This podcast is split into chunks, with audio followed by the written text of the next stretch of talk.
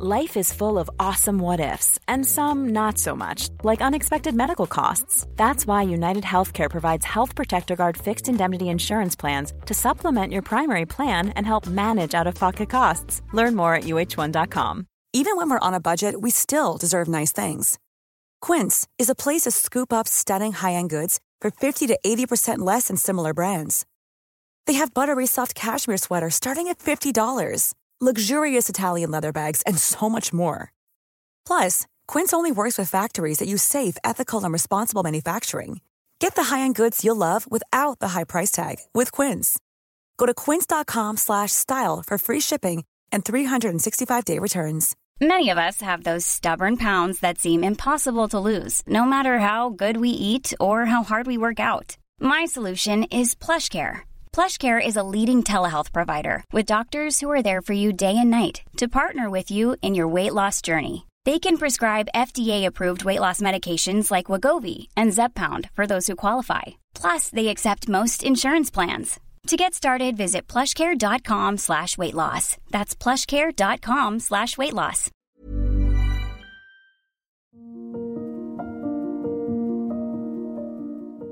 I dag gjester Fine Regine, som har overgrepsofre og denne debatten som sin hjertesak. Ikke bare er et offer sjøl, men har også starta community for andre ofre som heter Ikke faen.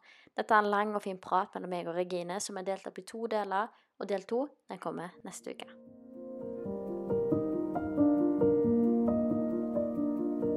Du driver jo Ikke faen-communityet på Instagram. Du kan kanskje begynne å starte med å fortelle hva det er, og så kan du heller starte med hvorfor eh, Hvor engasjementet det kom fra, liksom. Hvorfor du Ja. i hele tatt starta det. Jeg driver jo Ikke faen community, eh, og det er jo rett og slett for at folk skal ha en plass hvor de kan få hjelp når de ikke vet hvor de skal søke hjelp. Eh, for jeg har jo selv opplevd ting som ikke har vært greit, og stått og lurt på hvor i all verden jeg skal få hjelp.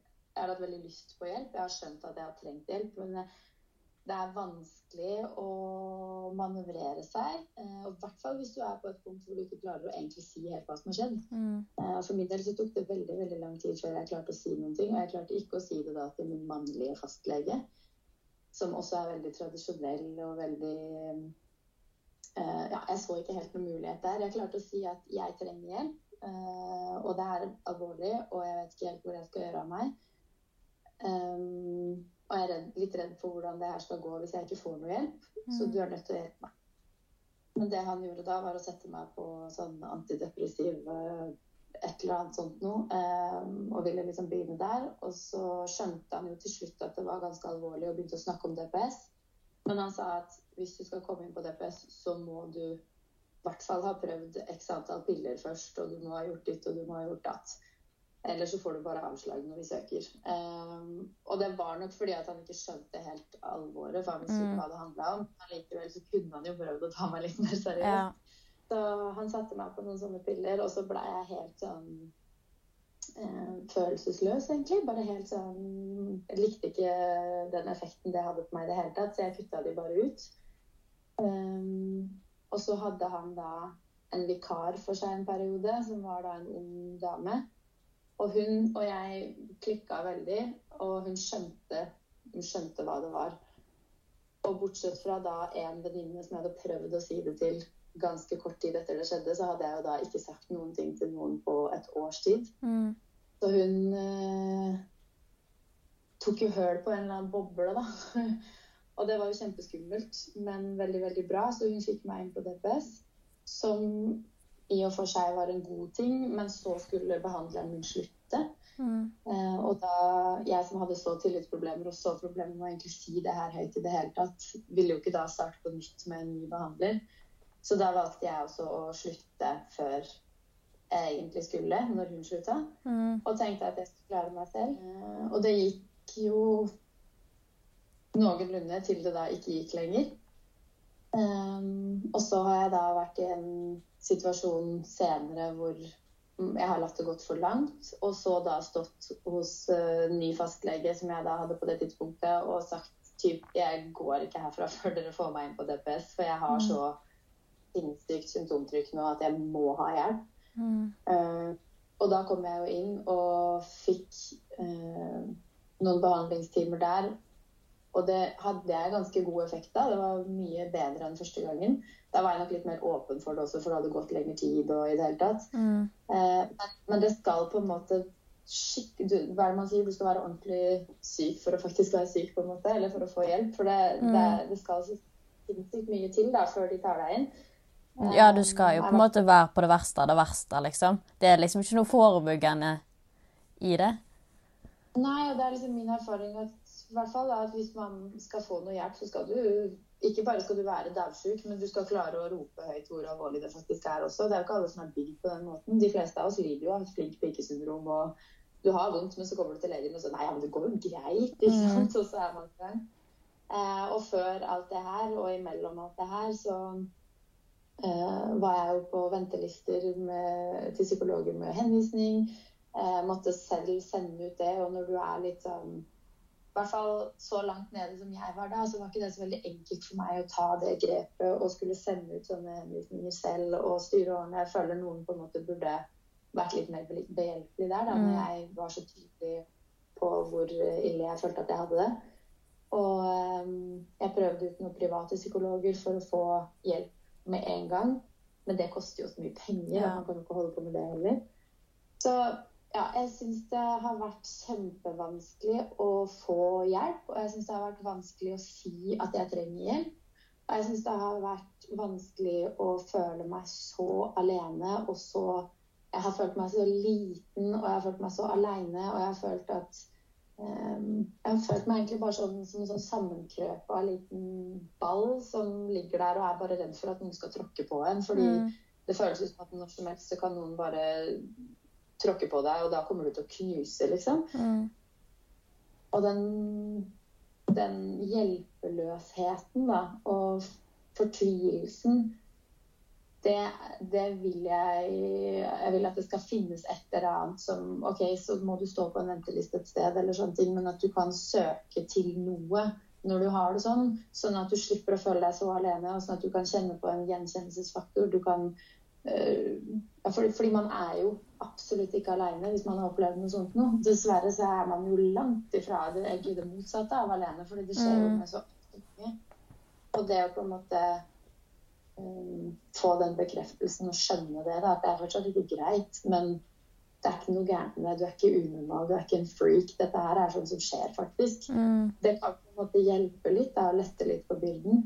Så etter veldig mye om og men, så starta jeg jo da Ikke faen community. For da la jeg ut en Da hadde jeg jo ikke sagt det til noen, Mm. så å si. Og så la jeg ut en post på Instagram um, og jeg ikke tenkte da over at det var masse folk som kjenner meg som jeg ikke hadde sagt noen ting til. De bare så på Instagram, for da la jeg ut en post uh, hvor jeg hadde tatt litt sånne utfordrende bilder med litt sånn tøft lys i forskjellige farger og liksom Ja. Jeg Mm. følte selv at jeg så skikkelig badass ut da, og litt sånn sinna ut og i det hele tatt. Hvor jeg da skrev en, en lang tekst om, om eh, at folk som har vært utsatt for seksuelle overgrep, gjerne mister eh, det gode forholdet til kroppen sin og sexlyst og seksualitet og alt mulig sånne ting. Og at mm, det skal du ikke trenge. Du skal ikke trenge å leve uten det. Ikke Mm. faen. Og så når jeg var ferdig å skrive det, så skrev jeg da blant annet hashtag 'ikke faen'. Og så bare festa det seg, og så var det sånn Men det er noe med det der. Det er en attitude i det. Det, en, det symboliserer et eller annet som Mm.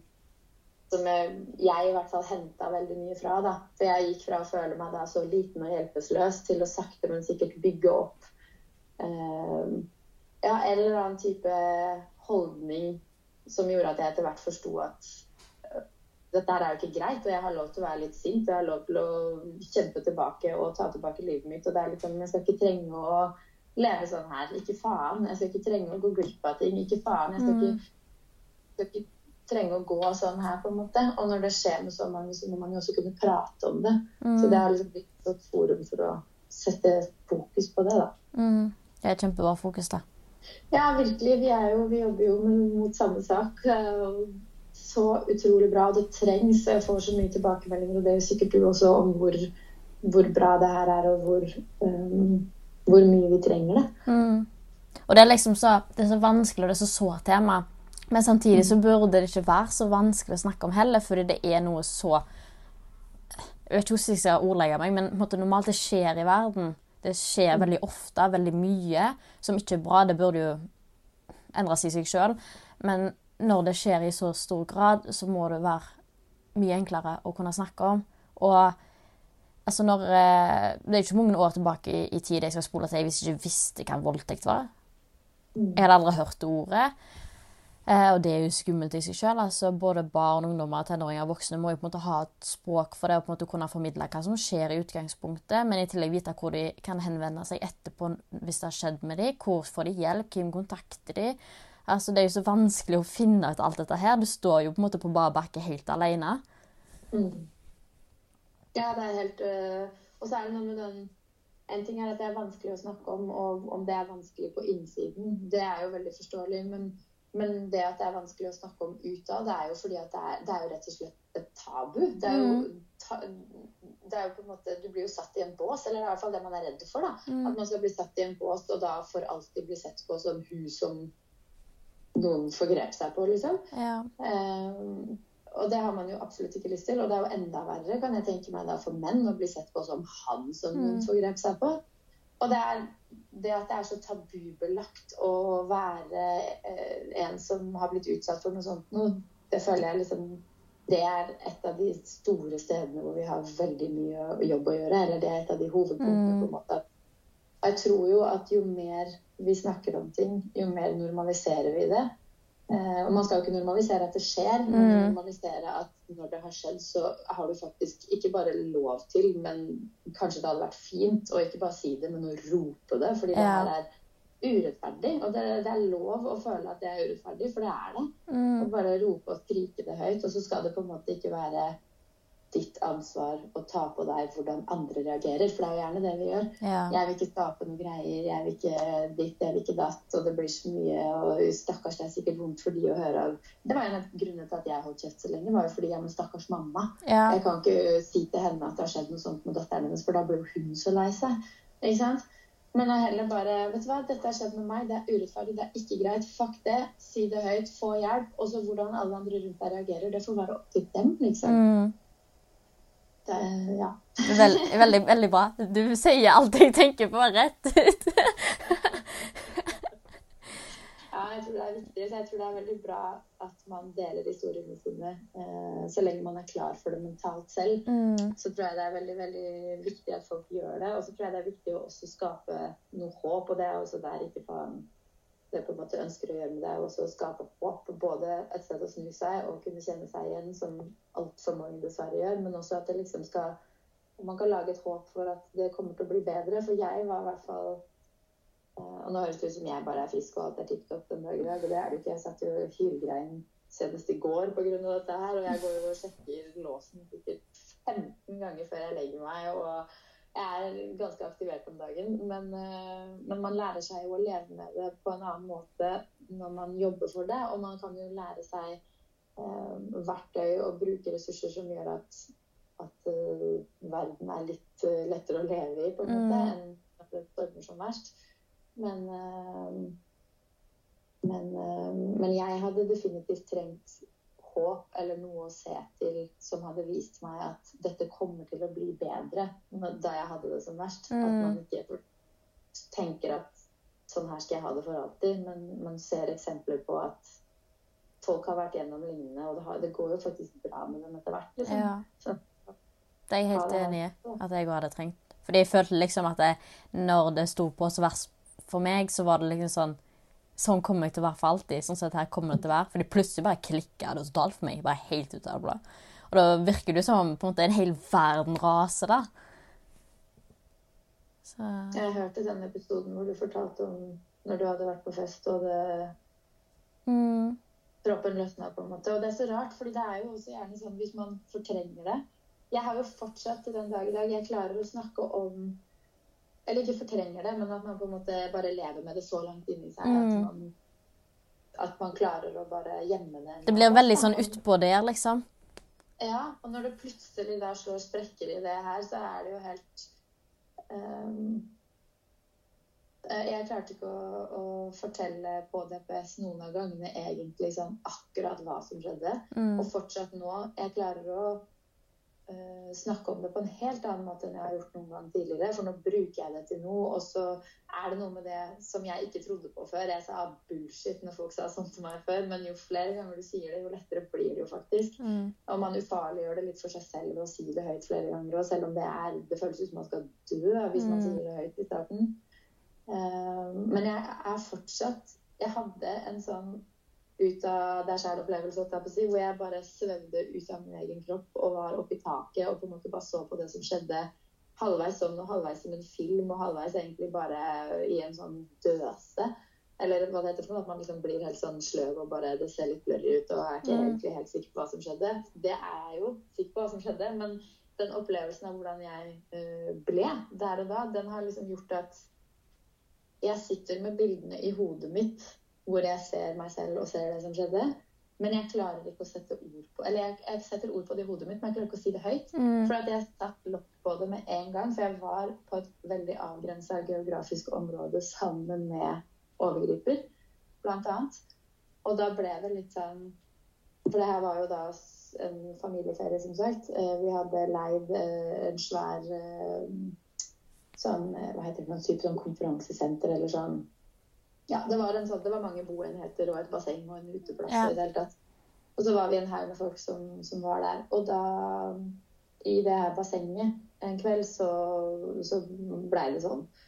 Og når jeg da kom inn til den leiligheten hvor jeg og og best, eller moren min og besteforeldrene mine sov, så jeg grein jo, og så gikk jeg i dusjen for å da kunne gråte uten at noen skulle høre meg. Og det jeg føler da, sånn i ettertid, er at egentlig der og da så tok jeg bevisst eller ubevisst et valg som har prega veldig mye i ettertid om hvordan jeg har klart å prate om det. Fordi da var det sånn Jeg føler at enten så måtte jeg ha kommet inn der og vekka folk og skrike ut og bare 'Å, fy faen, det her skjedde', mm. og i det hele tatt. Eller da, siden jeg da valgte å gå stille i dusjen og gråte så ingen hørte meg, og gå og prøve å legge meg etterpå, og uh, jeg var jo et nervevrak. Jeg turte ikke å gå ut av rommet mitt, og det var jo mange ting som skjedde etter det her. Men en av tingene jeg gjorde da, var jo å fake um, at jeg var dårlig i magen. Så jeg sa at jeg kan ikke gå noe sted, for jeg, jeg løper bare på do, så jeg må bare ligge her. At dorullen ikke minka, det var det heldigvis ingen som la merke til. Men um, Og da valgte jeg på en måte at dette her er noe jeg må holde kjeft om. Mm. Og så tror jeg det bare satte seg så veldig i meg at det, du på en måte nesten vokter en hemmelighet eller et eller annet sånt noe. At uh, det tok veldig lang tid før jeg klarte å si noe. Og så klarer jeg som sagt fortsatt ikke helt å gå i detaljer på Jeg kan snakke om alt som leda opp til det, og jeg ja. kan snakke om hvordan jeg opplevde det, og jeg kan snakke om hvordan det, alt som skjedde etterpå, for det var mye sånn terrorisering på en måte ettertid. Men akkurat den delen der mm jeg vet ikke om det er det de kaller dissosiasjon, eller hva greia er. Men, men uh, hvor man på en måte kobler vekk og, og, flyr litt vekk fra sin egen kropp og sånn. Men, men, det er helt rart. Når man liksom velger å ikke snakke om det, så kan det også hjelpe til at det blir enda vanskeligere å si det høyt. Ja. Så jo flere ganger man sier det, jo mer ufarlig gjør man det for seg selv. Jeg tror det er lurt. Ja, jeg merka jo sjøl jo eldre jeg ble fra når det skjedde, jo mer årene gikk etter gikk, jo vanskeligere og mer spiste det meg opp. fordi da begynner du å bli sånn Ja, men skjedde det egentlig? Er det jeg som er helt ko-ko i hodet? Du, du, går jo så mange runder med deg sjøl at du blir jo helt tullete i hodet til slutt. Så det blir bare vanskeligere og vanskeligere å si det. Ja, det er jo Jeg har hørt i hvert fall at uh, folk som blir utsatt for sånt, hvor det da tilkalles til politi eller noe sånt noe der og da, at man ofte har sånn kriseteam som, som mm. kan hjelpe til. Og jeg har da hørt at noe av det de gjør, er å prøve å få folk til å, å si det og prate om det så mye som mulig, så fort som mulig. Mm. Nettopp for at det skal ha den effekten der at ikke det skal få lov til å låse seg inni der, på en måte, men at du bare skal ufarliggjøre det så fort som mulig med å bare si det, si det, si det, på en måte. Mm. Fortelle gang på gang. Um, og det er jo kjempevanskelig, men jeg tror det er bedre å bare bli pusha til det med en gang hvis man har noen som pusher. Men det er jo der igjen, da man har jo veldig, veldig sjelden det. Veldig ofte så sitter man jo helt aleine med det her. Ja. Det å da ha noe å snu seg til, eller noen å snu seg til. Og litt sånn som ikke faen også er tenkt, at du også skal kunne være noenlunde anonym og bare Om du ikke har lyst til å å skrive noe, eller noe sånt, så kan du i hvert fall lese og følge Mm. med og på en måte føle at du har noen som kan skjønne litt hva du går gjennom. Da. Selv om det er selvfølgelig individuelt, men det er jo Mm. visse likheter. Ja, og så er det bare noe med den der at du føler at måte, andre er litt til stede for deg, da. Og ikke føler seg alene. For det det er jo så mye sånn skam og sånn knytta til dette her òg, som er veldig tungt å bære på. Og som mange bærer på. Ja, det er jo en av de verste tingene. Man begynner jo, så, litt sånn som du sa i stad, at man går sånne runder. Eh, skjedde det egentlig, og sånne ting. Og, og også med den skammen at man det er sånn, ja, men jeg, jeg for min del, sånn som ting eh, hendte for min del, så er jeg veldig klar over at jeg ikke eh, var en del av det. Men for øh, hvis man har vært full, for eksempel, da, eller sånne ting, så kan jeg se for meg og vet at mange tenker sånn Begynner å tvile på seg selv. At ja, men, men vil jeg det egentlig kanskje litt? Eller Mm. ja, var jeg kanskje ikke så tydelig? Eller Men uansett så er det ikke greit. Det skal måte Det her med aktivt samtykke syns jeg er øh, en drøm at det har blitt snakka mye mer om nå. For jeg tror jo også at det er sånn veldig mange voldtekter skjer det er jo, Før så trodde jeg at en voldtekt det var en overfallsvoldtekt. Ja, det var trodde jeg òg. Ja, At hvis du går hjem i en mørk bakgate med et kort skjørt og en, uh, en liten topp, så kan noen hoppe på deg fra et uh, Mm. mørkt mugg. Og så er det sånn det skjer, på en måte. På åpen gate hvis det ikke er noen der. Mm. Det var liksom det eneste bildet omtrent jeg hadde i hodet. Men da snakker vi før, før da når jeg var mindre. Men Mm. allikevel. Tenker liksom at det er det som er en voldtekt. Men sånn som med, med alt som er sovevoldtekter, og til og med av partnere Mm. og sånne type ting, det er liksom Hvis du ikke vil, så vil du ikke. Og hvis noen gjør noe da, så er det en voldtekt. Mm. Og det å på en måte også få det inn i hodene til For det er jo desidert mest gutter og menn som, som voldtar. Og å få det inn i hodene deres hva et overgrep og hva en voldtekt faktisk er, det tror jeg faktisk er noe av det viktigste vi kan gjøre i samfunnet for å forhindre det. For jeg tror veldig mange blir overgripere uten at de mener det, og Mm. uten at de vet det. For sånn, så mange sånne som vi leser om som Hvor man kanskje har sagt nei, da. Mm. Og så fortsetter de å prøve, og så stivner man til. Mm. Og da tenker kanskje de at å ja, men hun ville bare, Mm. bare tulla litt og ville bare leke litt, på en måte. Så, men, men nå er hun jo med på det. Og så er hun ikke med på det. Og så det verste er at det er ikke sikkert han klarer å tenke seg til det engang. At han skjønner det engang. Jeg tror det er så mange som går rundt og er overgripere eller blir overgripere uten at de mener det, og uten at de er klar over det. Og hvis man da sier at vet du hva, det der var faktisk et overgrep, så er det jo klart at de igjen vil reagere med Nei, hva faen er det du sier? Det jo ikke, jeg har jo ikke slått noen, jeg har jo ikke holdt noen nede, jeg har jo ikke tvunget noen. Nei, men du fikk heller ikke et aktivt samtykke. Enten så har man kanskje sagt nei, eller så har man gjort det veldig tydelig med kroppsspråk og andre ting at man ikke vil. Og hvis man fryser til, som jo er den vanligste Ja. reaksjonen av alle, så får du faktisk ikke sagt så veldig mye. Da går du i overlevelsesmodus. Mm. Og så er ikke de klar over det engang. Så jeg tror noe av det viktigste vi kan gjøre, som sagt, er å egentlig forklare spesielt gutter og menn, og ikke legge alt ansvaret på jentene. Ja, men du må tenke på hva du har på deg. Ja, men du må, du må Ja. klare å si ordentlig nei. Du må si stopp. Det er, det er ikke sånn det alltid funker, altså. Og det å få, få spesielt da gutter og menn til å forstå alvoret i at hvis du ikke har fått et aktivt samtykke, så kan det faktisk hende at du ender opp med å se tilbake på den kvelden hvor hun andre som var til You should celebrate yourself every day, but some days you should celebrate with jewelry. Whether you want to commemorate an unforgettable moment or just bring some added sparkle to your collection, Blue Nile can offer you expert guidance and a wide assortment of jewelry of the highest quality at the best price. Go to BlueNile.com today and experience the ease and convenience of shopping Blue Nile, the original online jeweler since 1999. That's BlueNile.com. BlueNile.com. Since 2013, Bombas has donated over 100 million socks, underwear, and t shirts to those facing homelessness. If we counted those on air, this ad would last over 1,157 days. But if we counted the time it takes to make a donation possible, it would take just a few clicks. Because every time you make a purchase, Bombas donates an item to someone who needs it. Go to bombas.com slash ACAST and use code ACAST for 20% off your first purchase. That's bombas.com slash ACAST, code ACAST.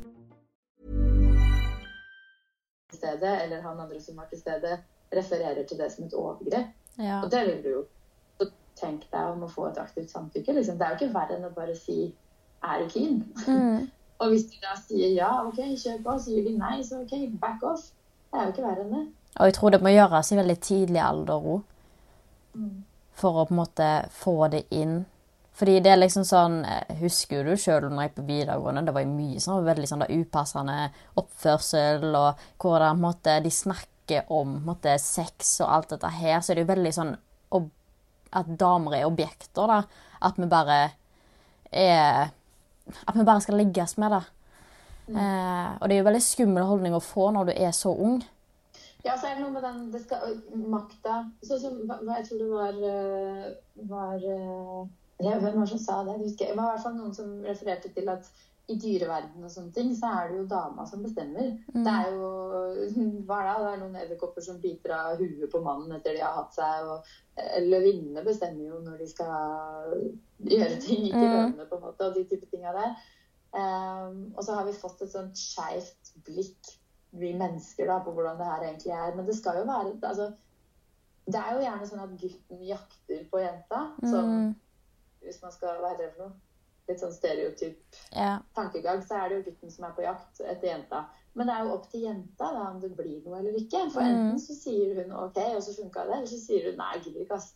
OK, da var jakta mislykka, da, så får du prøve igjen en annen gang. Det er jo egentlig sånn sett sånn det bør være. ja. Og det derre at man OK, noen liker jo eh, å bli objektifisert. Mm. Er det det heter? Objektifisering? Ja, noen liker jo det. Og det er helt greit. Du kan like hva enn du vil. Du kan ha hvilke som helst seksuelle preferanser som Mm. du har lyst til. Men det er opp til deg. Og det er sånn som, sånn som jeg har hylt ut noen ganger på internett. Og hvis jeg legger ut eh, et lettkledd bilde, da, så gjør jeg det fordi jeg kan, og jeg skal kunne det. Mm. Jeg skal kunne legge ut et sånt bilde hvis jeg vil det, uten å være redd for at noen skal ta det som en invitasjon til å forgripe seg på meg. Så. Ja. Alle de tingene man går og er redd for. Og det å da kunne legge ut et sånt bilde, og så liksom OK, jeg kan bli objektifisert, men jeg bare når jeg vil det. Ja. Jeg gir tillatelse til det, ikke du.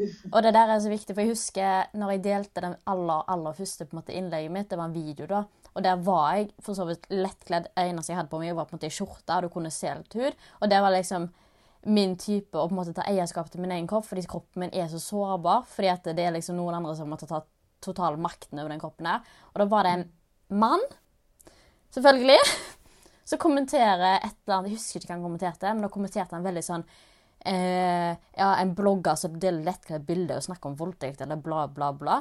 Men jeg har ikke bedt Jeg har ikke, jeg har ikke tillatt noen å voldta meg sjøl om at jeg poster dette bildet her. Det er ikke en invitasjon til ja, kom og forgrip deg på meg, liksom.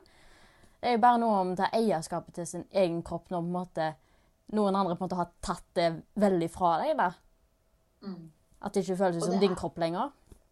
Og det er så viktig, fordi det er din kropp, og du skal leve med den resten av livet. Og du skal ha et godt forhold til deg selv og til kroppen din. Og sånne ting. Og når noen gjør noe som er så invasive Det er faktisk et eh, Jeg har prøvd å, å sammenligne noen ganger at eh, når vi prater med gutter om liksom, ja, hvordan er det å være hos gynekologen, Mm. så har jeg sagt at det eneste jeg klarer å egentlig sammenligne med, er litt å være hos tannlegen.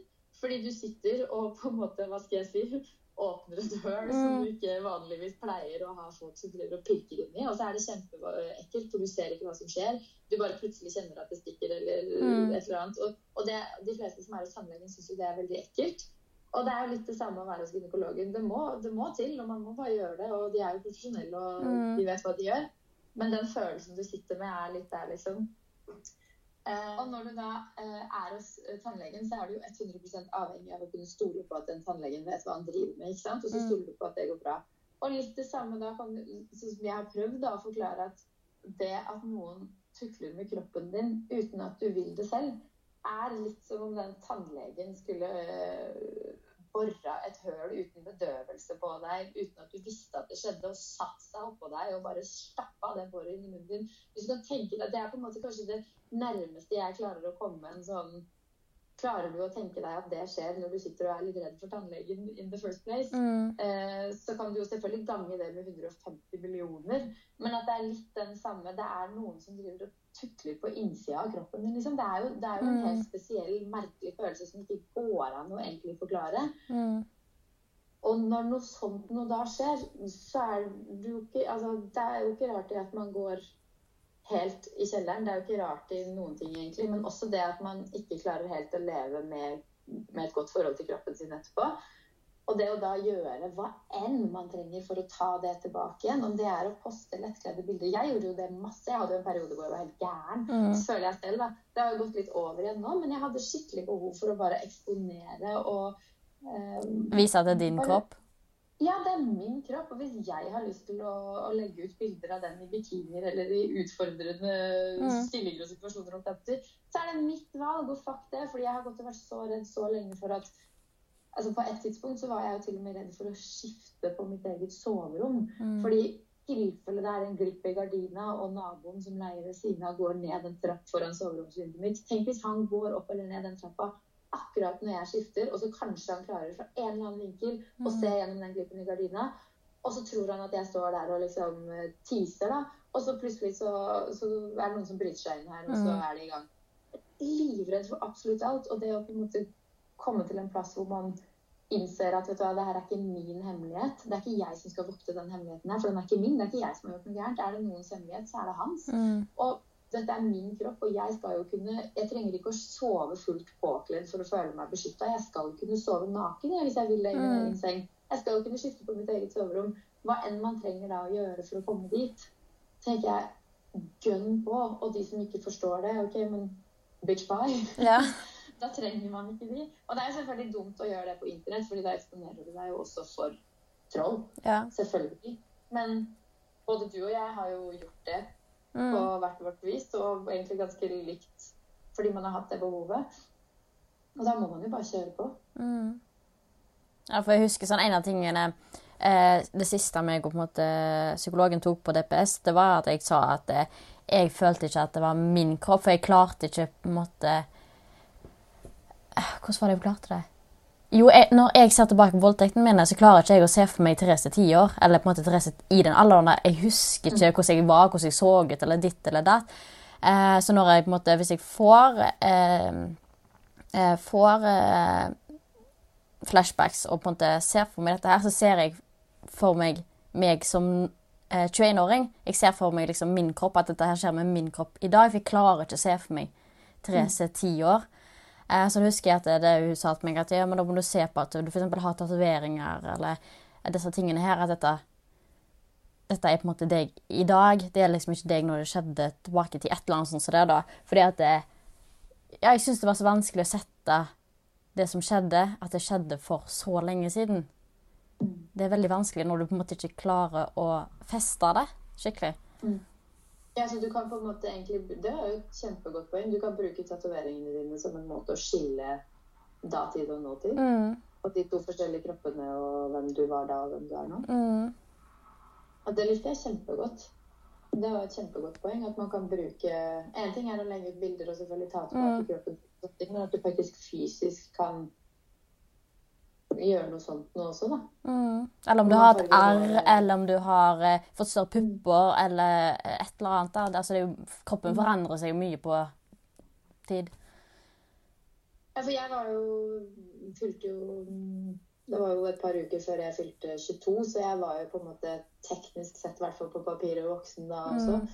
Men eh, Så jeg har liksom ikke tenkt på det før, men det var jo et kjempegodt poeng i forhold til de som opplever ting som barn. Mm, Å se fysisk på kroppen sin og så skille på det var da og dette er nå. mm, For å klare å skape litt avstand når det blir litt mye. mm, Det var et veldig godt poeng. mm. Men klarer du det da? Føler du at du klarer det nå? Jeg syns fortsatt det er vanskelig, fordi jeg på en måte ikke, måte ikke husker meg sjøl på den tida. Jeg klarer liksom ikke å se tilbake på det og tenke på konkrete ting utenom voldtekten og det som måtte skjedde.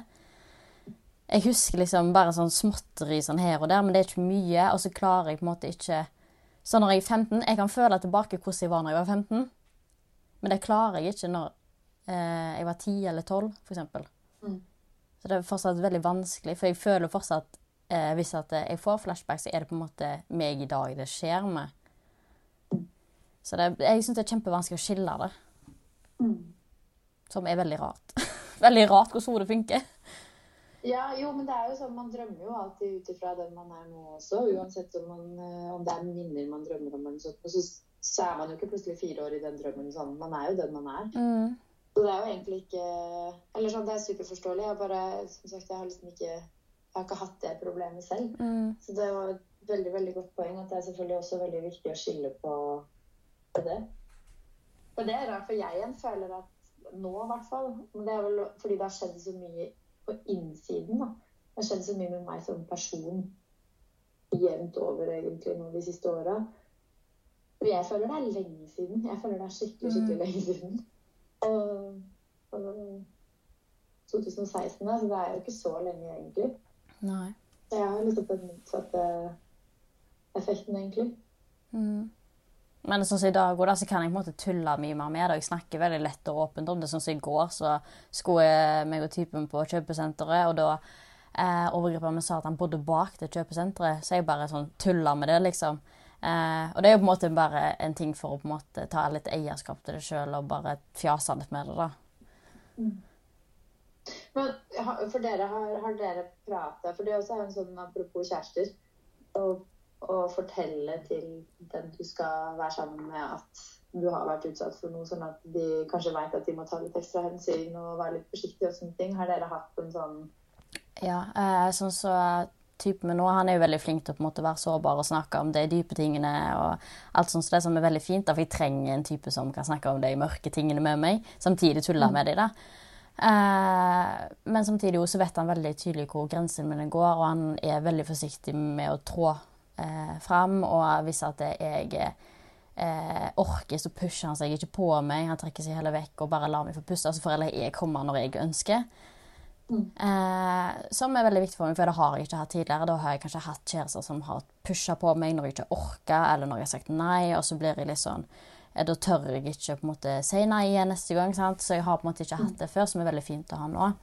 Eh, samtidig som at eh, han hadde Han visste ikke hvem jeg var når han møtte meg, men han visste at jeg drev på med Instagram, og at det var et eller annet som hadde skjedd. Eh, så det var veldig enkelt å på en måte se det til ham, for han har på en måte hatt en tung barndom sjøl, som han har vært veldig åpen om, og da er det veldig lett for meg å åpne meg til han òg, da. Så bra. Og så har han, eh, så har han på en måte veldig eh, gode verdier når det kommer til sex og alt sånt, så det, så det på en måte, som er veldig viktig for meg, da, fordi det er noen som har misbrukt det tidligere, sant?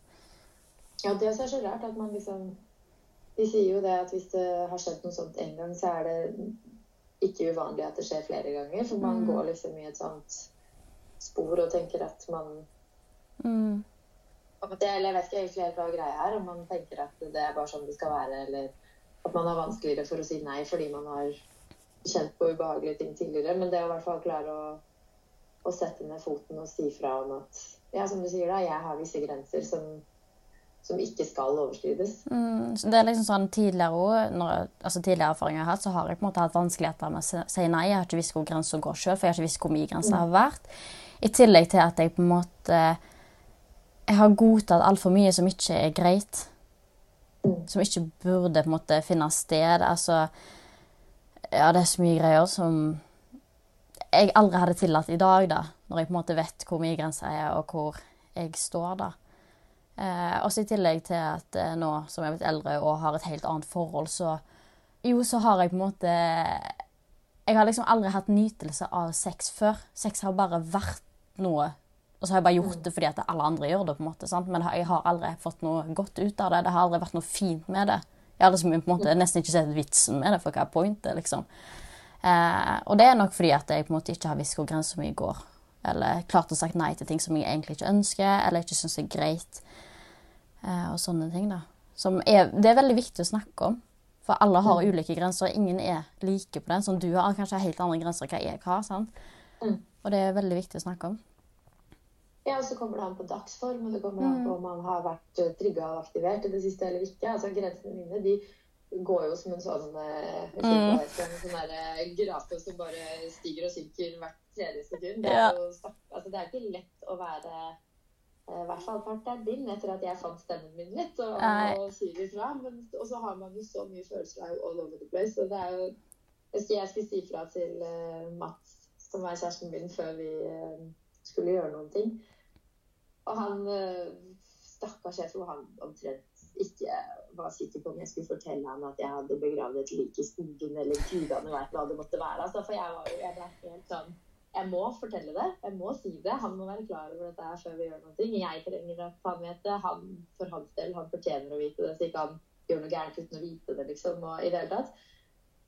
Men jeg blei altså så nervøs og så klarte ikke å finne ordene mine og i det hele tatt. Så vi, var, jeg kom hjem til han, og vi begynte på en måte å kline litt på sofaen. Og, mm. og, det var litt sånn de vibesa. Og så plutselig så satt han der i stedet med ei som omtrent hoppa i sofaen og lå opp ned, hang fra gardinstengene. Og det var liksom ikke måte på omtrent hvor gæren jeg blei, var fordi at jeg skulle prøve å bare få dette her ut. ikke sant? Ja. At det har, det har skjedd noe som ikke skulle skjedd. Og da, mm. noen ganger så påvirker det hvordan i det hele tatt. Tillit og I det hele tatt. Og bare øh. Og så måtte vi jo ha en lang prat om det, og vi har jo egentlig prata om det nå i snart tre år. fordi det stopper jo aldri. Man blir jo ikke ferdig. Mm. Men øh, Og så tror han kanskje at han har skjønt noe, og så plutselig så har jeg en helt annen grense dagen etterpå, og da var plutselig alt greit. Og så mm. ja, nå har jo alt vært greit, og så neste gang så er det ingenting som er greit, og så mm. ser han feil på meg, og så blir jeg sur, ikke sant. Så, men, men det hvis noen skal klare å leve med at man er så berg-og-dal-bane i følelser og grensesetting og sånne ting, så må de også få en grundig innføring i hva det her dreier seg om. Så det å være mm. åpen og ærlig og prate hele tiden om det Det er sånn han sier at Som jeg syns er så fint, at han har sagt sånn Jeg har forstått at jeg ikke forstår. Men jeg prøver allikevel så godt jeg kan å bare respektere det. Og jeg forstår når det er noe. Og selv om jeg ikke forstår hva det er, så forstår jeg at det er noe. Og da kan jeg være der for deg selv. Og da trenger jeg ikke å forstå. Da skal det ikke handle om at jeg absolutt skal forstå alt mulig rart. Jeg trenger bare å forstå at det er noe. Mm. Og så kan jeg bare være der for deg uansett. Det var jo jeg tror det var kanskje si et halvt år inn i forholdet vårt, da. Så hadde vi jo hatt masse sex. Og så var det en dag hvor han da uh, typ liksom sånn misjonær-ish, men han kom altfor tett på ansiktet mitt med brystet sitt. Så han var mm. liksom, det ble en sånn plassering at jeg fikk på en måte brystet hans litt sånn trøkt ned i trynet. Uh, og fikk bare akutt klaus mm. og bare 'Jeg må vekk, jeg må vekk!' jeg må vekk, Og bare begynte å hyle 'gå vekk'. Mm. Og han bare 'ja, ja, selvfølgelig'. ikke sant? Du skjønte ikke bæret, stakkar. Og så bare storma jeg bestemt inn på toalettet, skrudde på vasken og begynte å bare hylgrine. Og han stakkars, ikke sant. Når noe sånt, noe så han ville jo aldri gjort noe vondt ikke sant? Nei. noen, og i hvert fall ikke mot meg. Så han skjønte jo sikkert ikke noen ting. Men da igjen så var han sånn OK, jeg har ikke peiling på hva som skjer nå, men jeg skjønner jo at det skjer noe, så nå skal jeg bare, nå chiller jeg litt grann og gir henne litt tid. Og så bare trår jeg forsiktig og ser hva hun trenger, så jeg kan være der for henne. Og da fikk jo jeg da tid, og det var jo akkurat det jeg trengte. Og tørka tårer, skylte ansiktet i litt kaldt vann, kom ut igjen og Unnskyld, du har ikke gjort noe galt. Nå fikk jeg en reaksjon. Det ble for tett for meg. Jeg klarer ikke å snakke om det akkurat nå, men uh, du har ikke gjort noe galt. Og sorry, liksom. Jeg skjønner at det er vanskelig for deg også, men bare Jeg trenger en klem, og så trenger jeg at vi bare ikke snakker om det, så kan vi snakke om det seinere. Mm. Og det å klare å være så tydelig og ærlig om hva som foregår og hva man trenger, det er for det første ikke lett, så det er mm. kudos til den parten. Men det å også klare å ta det imot da og OK, men da skal jeg gi deg det du trenger da. Da skal jeg gi deg en klem, og så mm. skal jeg få deg på andre tanker, og så kan vi heller ta det opp senere hvis du vil det. Det er også så sykt kudos til den parten. Ja. Jeg tror det er kun åpenhet og ærlighet og et for veldig godt forsøk på kommunikasjon som er ja. der. og det det at det er lov liksom, å si til noen at ikke det er en turnoff hvis du sier til noen at du har blitt utsatt for noe, men at det faktisk mm. er viktig for begges opplevelse av av sexen. da. Mm, og det har jeg merka sjøl òg, at den forståelsen jeg blir møtt med, og bare det at jeg alltid ikke bare trenger Jeg trenger ikke forklare noe, han bare skjønner at det er noe som er gale. Eller at hvis han har merka at jeg er veldig sånn down en dag og veldig sånn, jeg snakker ikke så mye, eller sånn tilbaketrukken, så merker han at det er noe. Men jeg trenger liksom ikke å brette ut, eller han pusher meg ikke til å på en måte, at jeg må prate om noe, bla, bla. Men det er liksom etter hva jeg føler OK, jeg trenger Jeg kommer når jeg ønsker det. Og hvis jeg vil snakke om det, ja, da snakker vi masse om det. Eller så kan han sitte der og klemme meg og holde rundt meg, og så kan vi spise sjokolade og se på serie resten av dagen, liksom. Og det er liksom bare den forståelsen er så viktig, og, det, og at det, det, blir møtt med respekt, da. Ja, 100 og det, noe av det, jeg, det høres ut som du har egentlig løst den veldig greit.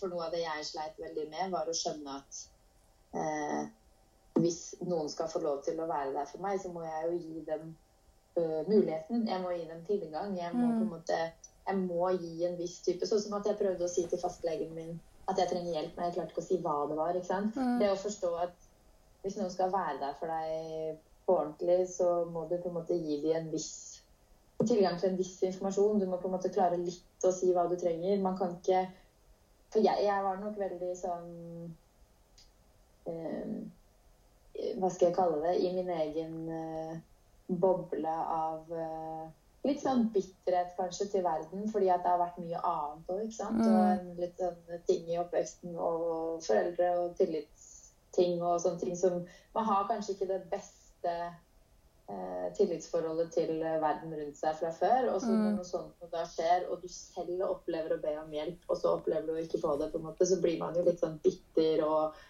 det er urettferdig og i det hele tatt Jeg må klare meg sjæl og bla, bla, bla. Nei, jeg har vært, jeg har vært der, jeg òg, da. Den der bitterheten ja. å være sur òg.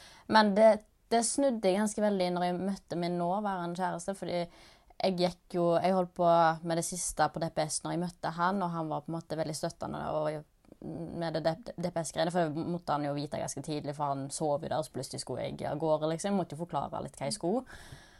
Eh, og så har jeg på en måte hatt dårlige opplevelser med typer tidligere der at jeg ikke blir forstått, eller at jeg blir drama queen hvis jeg får panikkanfall eller jeg får angst, eller at jeg ikke kan snakke om dette her fordi at de vil ikke snakke om det her, eller jeg bare blir møtt med sånn veldig sånn vegg, at jeg blir veldig stengt ute når jeg på en måte søker den nærheten så veldig, og at jeg trenger noen å snakke med. Eh, så har han på en måte vært veldig kontrasten eh, mot det, da, fordi jeg har vært så redd verden, jeg har vært så redd mannfolk, jeg har vært redd liksom alt utenfor meg å dø. Jeg har vært livredd. Og så kommer han og på en måte bare gir meg en kjempestor klem da, som jeg bare trengte, for det var alt jeg trengte. Bare den der klemmen, og bare vite at noen er der. Og da bare åpna det opp en helt ny verden for meg. Dette var del én av episoden med Regine, og del to kommer neste uke. Så husk å abonnere på podkasten om du får med i neste ukas episode. Hvis du snills gjerne legger ned anmeldelse på podkasten, så setter jeg kjempestor pris på det. Du finner link til Ikke faren i beskrivelsen og Instagrammen til Fine Regine. Takk for at du deler med oss.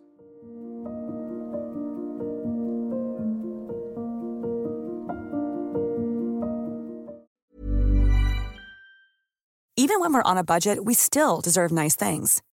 Quince is a place to scoop up stunning high-end goods for 50 to 80% less than similar brands.